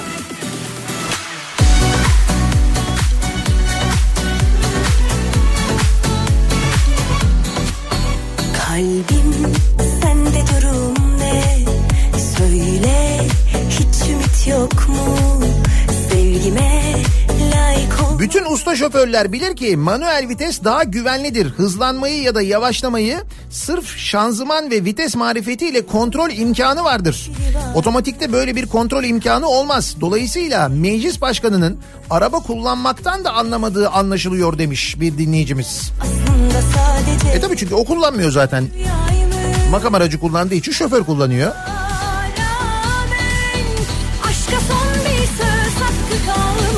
Eski sistem yeni sistem fark etmez. Direksiyonun başındakilerin ehliyeti olmadıktan sonra diyor Cem göndermiş. Seni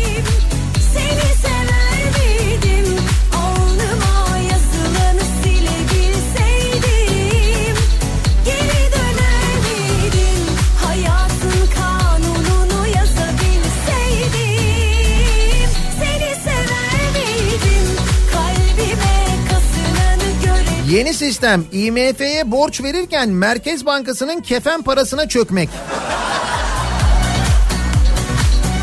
Ama IMF'ye borç veriyoruz değil mi? Tabii.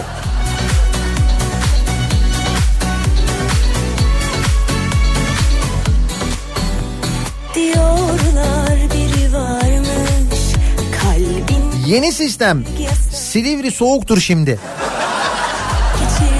Tabii yeni sistemin böyle bir durumu var evet.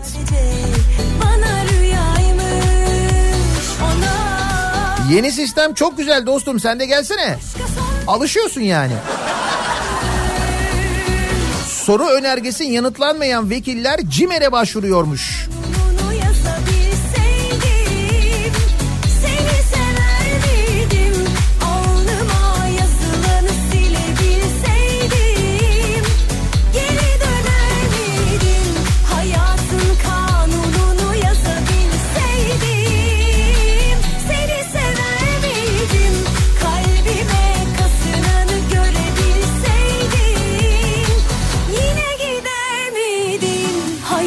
Eski sistem Neşet Ertaş ise yeni sistem Serdar Ortaç Sinan Akçıl düetidir. Of. Bu biraz sert olmuş ama benzetme doğru benzetme yani. Yeni sistem bu sabahın konusunun başlığı mi? Eski sistemle yeni sistem arasında yani parlamenter sistemle cumhurbaşkanlığı sistemi arasında bir değerlendirme yapmış meclis başkanı. Eski sistem manuel yenisi otomatik vites demiş. Biz de dinleyicilerimize soruyoruz. Sizce yeni sistem yeni sistem neye benziyor acaba diye? Bunları bizimle paylaşmanızı istiyoruz. Reklamlardan sonra yeniden buradayız. Kafa Radyo Yol Durumu.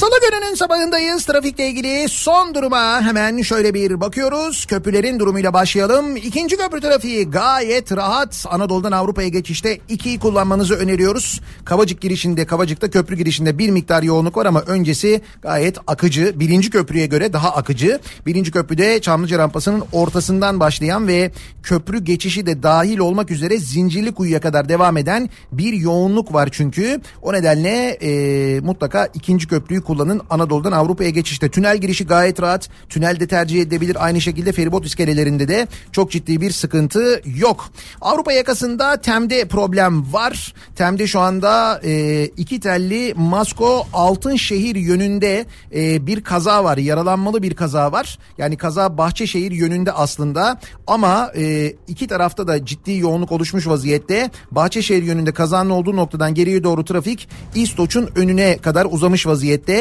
Aksi yönde de yine kazayı izleyenler sebebiyle kazanın olduğu noktadan başlayan trafik Bahçeşehir'e kadar uzamış. Hatta Bahçeşehir'den önce başlayan bir trafik var. O nedenle E5'e kaçmanızı öneririz. E5 nispeten daha akıcı çünkü TEM'e göre TEM'de bu kaza sebebiyle ciddi yoğunluk yaşanıyor. Kazanın olduğu noktayı geçtikten sonra TEM trafiği açık. Ee, Akşemsettin Viyadüğü'ne gelene kadar ciddi bir sıkıntı yok. Fakat oradan itibaren başlayan bir yoğunluk ki bu yoğunluk Seyran Tepe'ye kadar sürüyor.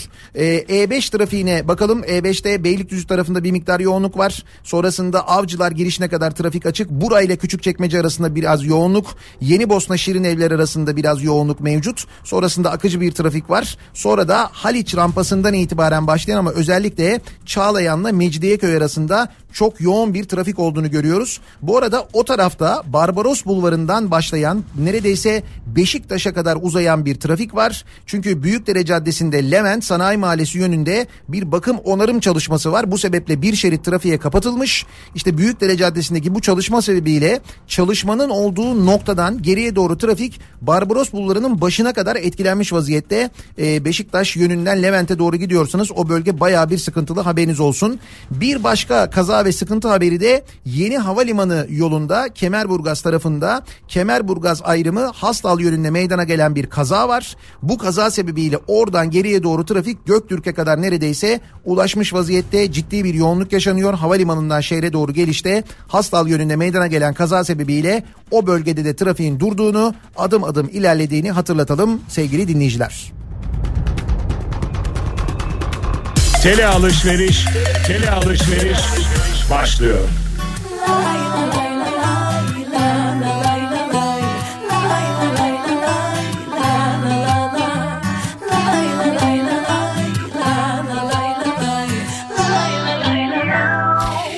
Kafa Radyo'da Türkiye'nin en kafa radyosunda devam ediyor. Üstüne sislenmiş bir perde örtü sevgimizin bak Yanık yanık Salı gününün sabahındayız. Yeni sistemle ilgili konuşuyoruz.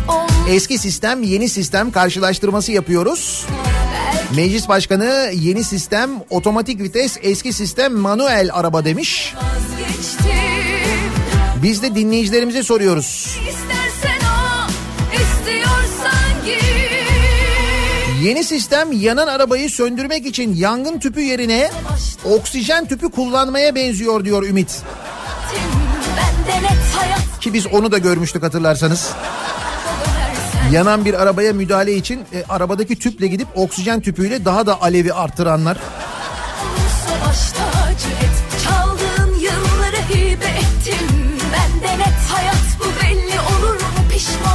Yeni sistem mistem yok. Bir de bu yanaktan bam bam bam.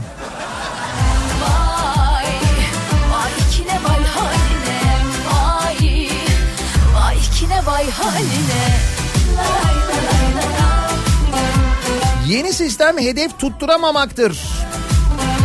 Demiş mesela bir dinleyicimiz. Bu arada biz size e, yeni bir sistem, bir araç sistemi de öneriyoruz günlerdir. By Garanta'yı hatırlatıyoruz. Veko Giz Plaza'da by Garanta standı bugün de mevcut. Eğer giderseniz orada ilk kullanımda imzalamanız gereken sözleşmeyi kolayca imzalıyorsunuz. Üstüne bir saatini 1 liraya kullanabileceğiniz bir indirim kuponu kazanıyorsunuz. Bu kuponla ilk kullanımınızda by Garanta aracını 1 saat kullanıyorsunuz 1 lira ödüyorsunuz. Normalde de süreyle fiyatlandırabiliyorsunuz bu arada. sanki 15 dakikalık periyotlar halinde. Dedim ya özellikle şu havaalanı e, seyahatlerinde çok gerçekten çok işe yarıyor. Mu by Garanta. burada dönersen bari. Vay kine vay haline. Benim kadar seni çeken olursa baş tacı et. Çaldığın yılları hibe ettim. Benden et hayat bu belli olur. Yeni sistem hem pilli hem cereyanlı mıymış? İşte onu tam bilmiyoruz neli olduğunu ya. Yeni sistem kaçak yapılar gibi diyen var mesela. Benden et hayat bu belli olur mu pişman olur da dönersen vay Vay kine vay haline vay Vay kine vay haline Benim kadar seni çeken olursa baş tacı. Çal Eski sistem maklubeli, yeni sistem çokomelli. Bu güzel, bu, bu güzel özet olmuş. Bravo. Eski sistem maklubeli, yeni sistem çokomelli. Doğru.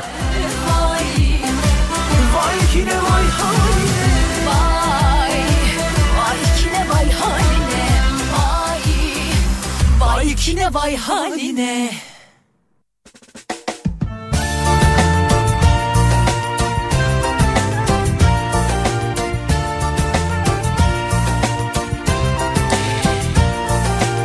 Sabah sizlere enteresan bir hadiseden de aslına bakarsanız bahsetmek istiyorum. Çünkü buna benzer bir durumda belki arada karşı karşıya kalanınız ya da duyanınız olmuştur.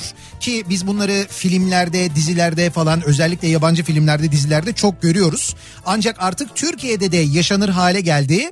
Ne demek bu? Ee, bir olay var mesela bir arkadaşımın e, firmasında e, bir fib- e, siber saldırı olmuş. 3-5 kişinin çalıştığı ufak bir ofis e, bu ofis ama bu e, adamcağızın bütün datalarını üstelik daha da böyle çocuk olduğu tahmin edilen bir siber saldırgan komple ele geçirmiş. Yani şirketin datalarını ele geçiriyor ve bunun karşılığında fidye istemiş sevgili dinleyiciler. Yani baya Baya böyle e, filmlerde dizilerde gördüğümüz olay Türkiye'de de yaşanır hale gelmiş. E, fidyeyi bu arada bitcoin olarak istiyor. Bizimkiler gibi böyle işte ben savcıyım ben polisim ben bilmem neyim bana parayı gönder falan şeklinde değil de e, daha ziyade böyle e, gönderiyor. Neyse netice itibariyle e, böyle bir hadise var ve e, şaka gibi görünen bir durumun artık böyle sadece bankaların büyük kurumların başına gelmediğini e, en ufak bir KOBİ'nin bile böyle siber saldırıya uğradığını görüyoruz. İşte bununla alakalı da bir uzmanın görüşlerine başvurmak üzere mikrofonlarımızı Murat Seymen'e çeviriyoruz. Muratçım günaydın canım. Efendim öncelikle herkese günaydınlar. Ya senin sesini böyle sabah programındayken duymak gerçekten çok mutluluk verici. Hani akşam yayınlarında falan duyuyoruz ama sabah sabah senin bu sesini duyuyor olmak e, yüzünün bu haline tamamen e, te- tamamen ters bu e, ses tonuyla gerçekten seni duymak ne güzel. Şimdi sen buna benzer şeyler duyuyor musun etraftan? Bu- Duyuyorum, Bu çok. siber saldırılar oluyor mu gerçekten? Çok duyuyorum. Ee, benzer bir olay benim bir arkadaşıma, işletmeci bir arkadaşımın başına geldi. Heh. Onun da bir restorantı var. Yani e, restorantında kendi kontrolü dışında müşteriler mutlaka ki e, işte internete giriyorlar. Onların yani restoranın paylaştığı internete e, giriyorlar, orayı kullanabiliyorlar. Tamam. Bununla ilgili e, müşterilerinden biri e, restoranın Wi-Fi ağına bağlanarak Evet. oranın internetiyle böyle yasa dışı bir takım siber suçlara karışmış. Yasa dışı siber suçlara karışmış. Ya bu e, ki- CIA'yı falan mı kırmış ne yapmış acaba? Biraz böyle ufak çaplı yani bir ufak çaplı diyebileceğim yani He. sonuçta bir suç ama Evet. daha büyük böyle terör vesaire gibi şeyler de olabiliyormuş. Bunu sonradan tabii öğreniyor. Tamam. Ee, bir takım siber suçlara karışmış ve yasa gereği bununla ilgili bir yasa çıkmış aslında. e, yasa gereği 5651 sayılı yasa gereği böyle kamuya açık, halka açık, umuma açık yerlerde internetinizi paylaştırıyorsanız, müşterilerinize kullandırıyorsanız bunun mutlaka loglarını, kayıtlarını tutmak zorundasınız. Öyle mi? Böyle- Arkadaşın tabii bir haber, bu- öyle bir durumdan ne yasadan haberi var, ne logdan, ne firewall'dan hiçbir şeyden haberi yok. Gelen müşterisinin işlediği bir suçtan dolayı şimdi siber suç polisleriyle ba- başı ağrıyor. Yani onlarla uğraşıyor, onun bürokratik süreci var, yasal sorumlulukları var. Ya bunun ben e, okudum. E, arkadaşımın da başına gelince o da biraz araştırmış. Diyor ki 5651 sayılı bir yasa var. Bu yasaya göre sizin bu paylaştığınız internetle, iş yerinizde paylaştığınız internetle ilgili kayıtlar tutmanız gerekiyor. Buna log tutmak deniyor ya. Aynen öyle. Loglar tutmanız gerekiyor. Bunu yapmadığınız takdirde de 2 yıla kadar hapis, 15 bin liraya kadar da para cezası var. Evet, İşte yani- bu senin arkadaşının başına gelen hadise aslına bakarsan. E, şimdi böyle e, durumlar için peki ne yapmak gerekiyor? E, nasıl kendimizi korumamız gerekiyor? Bir firewall cihazı kullanılması gerekiyormuş. Firewall kesinlikle kullanılması gerekir. Firewall zaten e, hem e, bu yasanın gerekliliğini yerine getiriyor. Yani bu kayıtları tutabiliyorsunuz. Tamam. Hem de sizi bir takım o az önce bahsettiğin hani 15 yaşında çocuğun e, gelip Bitcoin'de senden para istemesini de engelleyebiliyor. e, bu takım bunun gibi bir takım saldırılara karşı da kendinizi koruyabiliyorsunuz. Çünkü aslında böyle büyük bankalar, e, ne bileyim büyük holdingler, büyük serverları, sunucuları bu tarz işlere yatırım yapan yerlerde zaten bu firewall'ların çok büyükleri var. Ha, zaten onlar da kullanıyorlar bunu, kullanıyor değil mi? ama böyle küçük e, çapta işletmelerde, kobilerde, böyle restoran, esnaf vesaire gibi yani halka, vatandaşa, e, müşterilerine Wi-Fi'ni, internetini, network ağını paylaştıran yerlerde e, bunu kimse önemsemiyor. Kimse ya bize bir şey olmaz. e, İşte ne onlar da daha ki? kolay hedef oluyor bu durumda değil Evet, mi? onların e, sistemine girmek, sistemi çökertmek, bilgilerini çalmak, e, onları farklı amaçlarla kullanmak, fidye istemek falan çok daha kolay onlar. için. Şimdi bunu tabii bir bir KOBİ'nin bu işte uğraşması yani bunun için bir yazılımcı istihdam etmesi böyle bir şey yapması falan mümkün değil. Bunun için hazır programlar ve hazır hizmet veren kuruluşlar var, Var. değil mi? Hatta biz e, daha önce de seninle konuşmuştuk. Geçen sene. Evet geçen sene konuşmuştuk. Berknet diye tamamen e, bir böyle evet yani tamamen Türkiye'de üretilmiş Türk mühendislerinin geliştirdiği e, bir firewall e, programı var. Berknet ismi. E, ve sen de zannediyorum gitmiştin değil mi? Yani hatta biz Ben burada gittim. konuştuktan sonra merak etmiştik. E, logo e, Logo yazılım. logo yazılım ve logo yazılımın yerine gitmiştin. Sen yerinde görmüştün galiba. Yerinde gördüm. E, Gebze Organize Sanayi'de çok büyük bir yani benim bir yazılım şirketine göre e, çok büyük bulduğum bir alanda e, birçok yazılımcının çalıştığı birçok farklı projelerde işler yaptıkları e, yeri gezdim. Ben e, bana anlattıkları e, e, ürünleri e, bir kısmını alıp e, inceledim de böyle test ettim, uyguladım. Hatta burada radyoda da benzer bir ürünü kullanıyorum onlardan aldığım. Evet, çöktük E, yani o ürünlere bir sonra. Öyle değil. Ben deniyorum, test ediyorum, Tabii inceliyorum. tabii test ediyoruz canım kesin. Ee, ve gayet de memnunum. Bu sadece e, hem tamam bu işin bir yasa tarafı var. 5651 sayılı yasaya uygun olmak o Hocam zorunlu. o bir dakika bizi ilgilendiren kısmı şu anda bir yasa tarafı, iki fidye tarafı. Fidye tarafı da yasa önemli. Tarafı, yasa tarafı çok önemli abi. Bin, bin, neydi 5651 sayılı yasa. 5600 sayılı, Buna evet. uygun çünkü iki yıl hapis diyorsun, 15 bin lira para cezası Doğru. diyorsun. Diğer taraf o mesela bitcoin ister biz onunla evdeki altınlar falan anlaşırız. Yani o dolandırıcılarla pazarlık etme konusunda bir millet olarak bir tecrübemiz var ayrı ama. Peki şimdi biz bu Berknet'i aldık. Na- ne yapıyoruz? Yani ne işe yarıyor bu Berknet? Kuruyoruz Bu e, bilgisayarımıza. aslında e, bir firewall cihazı. Tamam. E, bu e, sizi dışarıdan gelecek bir takım saldırılara karşı e, koruyor zaten. Tamam. Dost atakları vesaire gibi bunun gibi birçok alanda sizi koruyor ama Tamam. siz bunu kişiselleştirebiliyorsunuz. Yani küçük çaplı işletmenizde personelinizin kullandığı e, internetin de e, bir takım e, konfigürasyonu belirleyebiliyorsunuz. Yani mesela atıyorum ben şu an e, bizim sisteme bağlı firewall'da e, senin kullandığın e, IP bloğuna bir filtre getirebilirim. Sen şu sitelere gireme. Ben buradan Hatta- sadece filtre kısmını anladım. Onu da kahve olarak algılıyorum. Ha- hatta- sabah sabah çok kafa karıştırmayalım. Yani Hatta şöyle, hatta şöyle sen e, atıyorum Nihat Sırdar X kişi bizim şirketimizde bu bünyede bu internete bağlı. Tamam. E, benim istediğim saatlerde istediğim sitelere girebilir. istemediğim saatlerde e, istemediğim yerlere giremeyebilir. Bir takım şeylerini kısıtlayıp engelleyebiliyorum. Belki de e, performansına... yani bu filtreleme gibi bir şey de diyebiliriz. Evet. Yani bir sansürcü zihniyet demek istemiyorum ama. Hayır hayır öyle değil. Bu Mesela dizi sitelerine girme kardeşim Gibi. mesai saatlerinde Mesai gibi saatleri mesela. içerisinde Ha, girme. Tamam güzel. Şimdi bunun yanında bu Berknet'in VPN özelliği de var aynı zamanda. Bunu VPN kurduğun özelliği zaman var. VPN özelliği var. Doğru. Ee, antivirüs e, gibi bir özellik de var. Yani bütün virüslere girdiğiniz sitelerde e, olası virüslere karşı da Evet. aynı zamanda sizi koruyor. bir ön filtre gibi network tarafında ön kalkan. Hı hı. Ee, peki şimdi bunu nasıl temin edersiniz sevgili dinleyiciler? Bir kere kere bu Berknet'i dediğimiz gibi logo yazılımın ürünü TL ile alıyorsunuz. Bu kısmı önemli. Bu çok önemli çünkü muadilleri gerçekten böyle hani dünya ünlü markaların ürettiği muadil ürünler de var. Evet. Hepsi dolar üzerinden Evet. sadece dolar değil e, bunların periyodik aralıklarla update'lerini yapmanız gerekiyor. Güncellemelerini yapmanız gerekiyor. Onlar da dolar üzerinden. Dolar üzerinden. Dolayısıyla biz bunu TL'den alırsak daha mantıklı olur diye Kesinlikle. düşünenler için Berknet'i bir kere TL ile alıyorsunuz. Peki e, nasıl e, alabilirsiniz? Bu arada Berknet'i de kodlayalım. Nasıl anlaşılıyor? Q ile Berknet diye yazılıyor. Yani Q ile. Yani, Yani- şöyle Bursa, Edirne, Q, Niğde, Edirne, Trabzon.com. Berknet.com. Buradan da aynı zamanda ulaşabilirsiniz. %100 Türk Evet. sermayesi. Ha yüzde yüz yerli. yerli. Aynen öyle. Siber güvenlik ürünü tamamen Türk lirası fiyatlarla tahmin e, şey, temin edebiliyorsunuz, alabiliyorsunuz. Buradan da inceleyebiliyorsunuz aynı zamanda. Tekrar edelim. Bursa, Edirne, Q, Niğde, Edirne, Trabzon.com. Yani berknet.com adresinden de e, temin edebiliyorsunuz. Yani bana bir şey olmaz demeyin. Oluyor. Hocam benim arkadaşım ya adamın bir tane küçücük dükkanı var. Şey, şeylerini hesaplarını muhasebe programını ele geçirmişler bitcoin istiyor. Çocuk dedi bitcoin ne dedi bana ya. yani o kadar hani oraya kadar bir işte bir hesapları kitlemişler sayaç var Zaten bilmem ne var falan. En çok da hedef kitle olarak böyle bu işi önemsemeyen böyle küçük çaplı kobileri çok e, seçiyorlar. Özellikle seçiyorlar. Abi fidye ne sen o muhasebe defterlerini bilmem nelerini bu da bu da ba- başa bela ayrı bir şey de. De ki mesela ayrıca o bilgisayardaki bütün özel bilgileri zaten bizimki muhasebe kayıtlarından falan değil. Abi diyor fotoğraflar vardı diyor. Ya bu, bilmem bu neler senin vardı hadi diyor. diyelim işte senin kişisel bilgin. Evet. Ya müşterilerinin bilgilerini çalarsa Ha, yani tabii. sen bir örneğin bir otelsin ya da ne bileyim x bir yerdesin. Evet. Müşterilerine ait bilgileri çalarsa. E, düşünsene bir sürü mesela şeyde kalıyorsun. Butik oteller var, küçük oteller var. Gidiyorsun kalıyorsun. Oraya sen kimlik bilgilerini veriyorsun. Çünkü onlar da o bilgileri birilerine aktarmak zorundalar. Emniyete falan veriyorlar. Senin o bilgilerin o e, otelin bilgisayarında mesela. Şimdi o otelin bilgisayarı ya da oradaki Wi-Fi ağı korunuyor mu acaba? Ben korunmadığına eminim. Yani mümkün değil yoktur bu firewall dediğimiz şey. İşte o nedenle önemli. Aramıza kalsın birçoğunun modeminin default şifresi bile değiştirilmemiş. Ben bir butik otele girdiğimde ilk onu deniyorum. Ve o çıkıyor değil mi? 1, 2, 3, 4, 5, 6 genelde. Standart şifreleri var onların. genelde öyle oluyor. O nedenle işte bakın bu yasal zorunluluk olarak önemli. İleride başınızın ağrımaması açısından da önemli. Teknoloji çağındayız. Bu tür önlemleri muhakkak almak gerekiyor. Biz bir kez daha hatırlatıyoruz dinleyicilerimize. Ee, Murat Seymen tarafından da incelenmiş, onaylanmış, kesinlikle tavsiye edilir. Aynı zamanda bir ürünü gönül Hani rahatlığıyla şey da. derler ya aynısını ben kullanıyorum. Ha işte bak ben kullanıyorum diyeceksin. Evde ben kullanıyorum yani.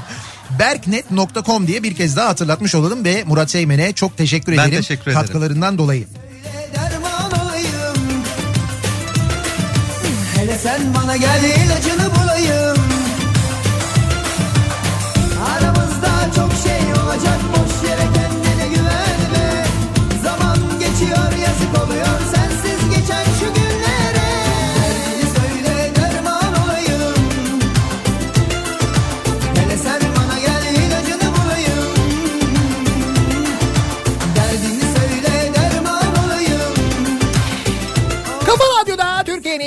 kafa radyosunda devam ediyor. Daiki'nin sonunda Nihat'la muhabbet. Murat Seymen'e katkılarından ötürü teşekkür ettikten sonra devam ediyoruz. Sistemle ilgili konuşmaya devam ediyoruz. Yeni sistem bu sabahın konusunun başlığı. Yeni sistem iyi mi, kötü mü, nesi iyi, nesi kötü, neye benzetiyoruz? Bu sabahın konusu, konu başlığı yeni sistem. Yeni sistem uzaktan kumandalı arabaya benziyor diyen var mesela.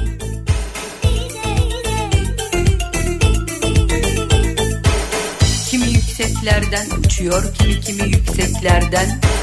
Kimi gerçeklerden kaçıyor, kimi kimi gerçeklerden. Fred Çakmaktaş'ın arabasına benziyor yeni sistem diyor Erdoğan atmış. Şeyler Hani Fred ayaklarını yere sürmedikçe gitmiyor ya. Açıyor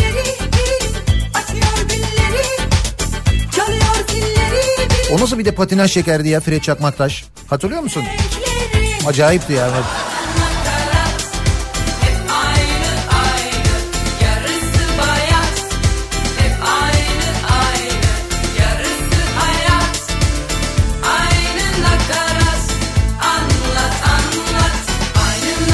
Eski sistem sucuk ekmekse yeni sistem karma karışık pizza.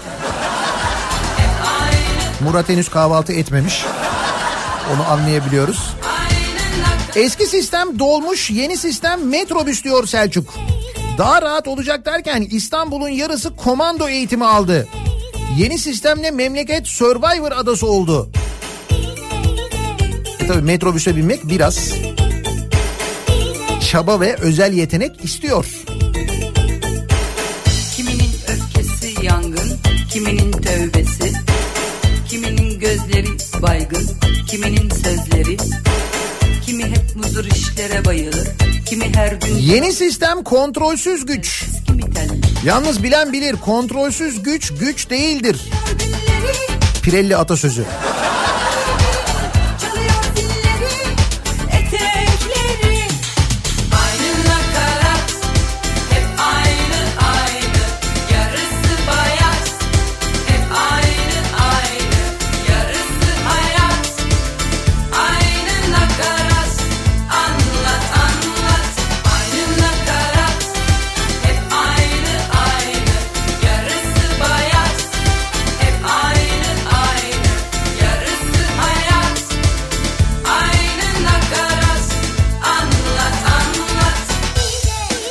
Yalnız bu kadar otomatik vitesten, bu kadar şanzımandan, bu kadar tamirden falan bahsettikten sonra bu akşam yayınımızı da bir otomobil servisinden yapıyor olmamız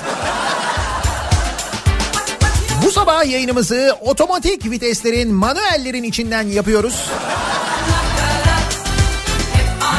Akşam Bahçeşehir tarafındayız, Esenyurt tarafındayız. Daha önce de yayınlar yapmıştık oradan. Birollar Otomotiv'den bu akşam yayınımızı gerçekleştiriyoruz. Kafa Radyo canlı yayın aracıyla o taraftayız. Tam böyle Bahçeşehir'le Esenyurt'un arasında Mercedes yetkili servisi Birollar Otomotiv vardı bilirsiniz. İşte tam onun önünden yayınımızı gerçekleştiriyoruz bu akşam. Haberiniz olsun. Sivrisinek'le birlikte o taraftayız. Akşam gelirseniz görüşme imkanımız var. Gürültü var, Ses yok, renk yok. Yarısı hayat, o nakarat Aynı nakarat Yine anlat anlat Çok düşündüm ama hiçbir şeye maalesef benzetemiyorum yeni sistemi diyen de var. Aşk yok, Görüntü var, renk yok. yarısı hayat O nakarat, aynı nakarat Yine anlat anlat Bir ara verelim. Reklamların ardından yeniden buradayız. Gidersen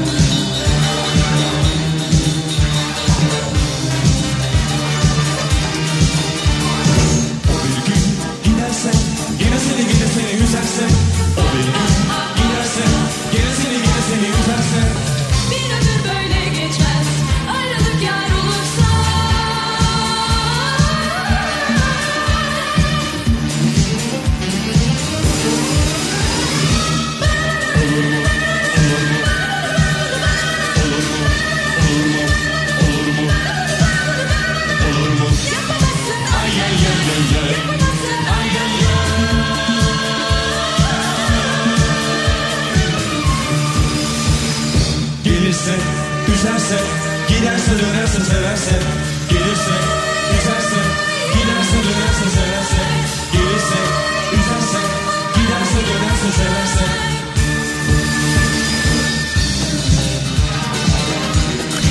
Kafa Radyo'da Türkiye'nin en kafa radyosunda devam ediyor. Daiki'nin sunduğu Nihat'la muhabbet. Ben Nihat Sırdar'la. Yeni sistem eski sistem karşılaştırması. Eski sistem manuel yenisi otomatik vites demiş Meclis Başkanı Mustafa Şentop. Biz de yeni sistem başlığıyla dinleyicilerimize sorduk. Sizce yeni sistem nasıl diye ya da neye benziyor diye. Yeni sistem biraz buna benziyor aslında. Bana bana. Yine de böyle bir olur mu diyen var karşıda ama ne kadar etkili onu bilemiyoruz ama sürekli böyle bir bana bana durumu var yeni sistemde galiba değil mi? Gelirse üzerse giderse dönerse severse Gelirse üzerse giderse dönerse severse Gelirse üzerse giderse dönerse severse Yeni sistem ve getirdikleri. Birazdan Kripto Odası'nda Güçlü Mete Türkiye'nin ve dünyanın gündemini sizlere aktaracak.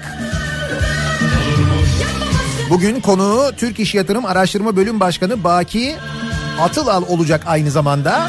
Ekonomi üzerine konuşulacak.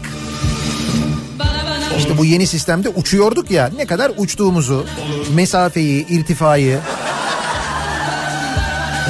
Bir, birazdan Kripto Odası'nda konuşacaklar. Bu akşam 18 haberlerinden sonra eve dönüş yolunda ben yeniden bu mikrofondayım. Tekrar görüşünceye dek hoşçakalın. İş yerinde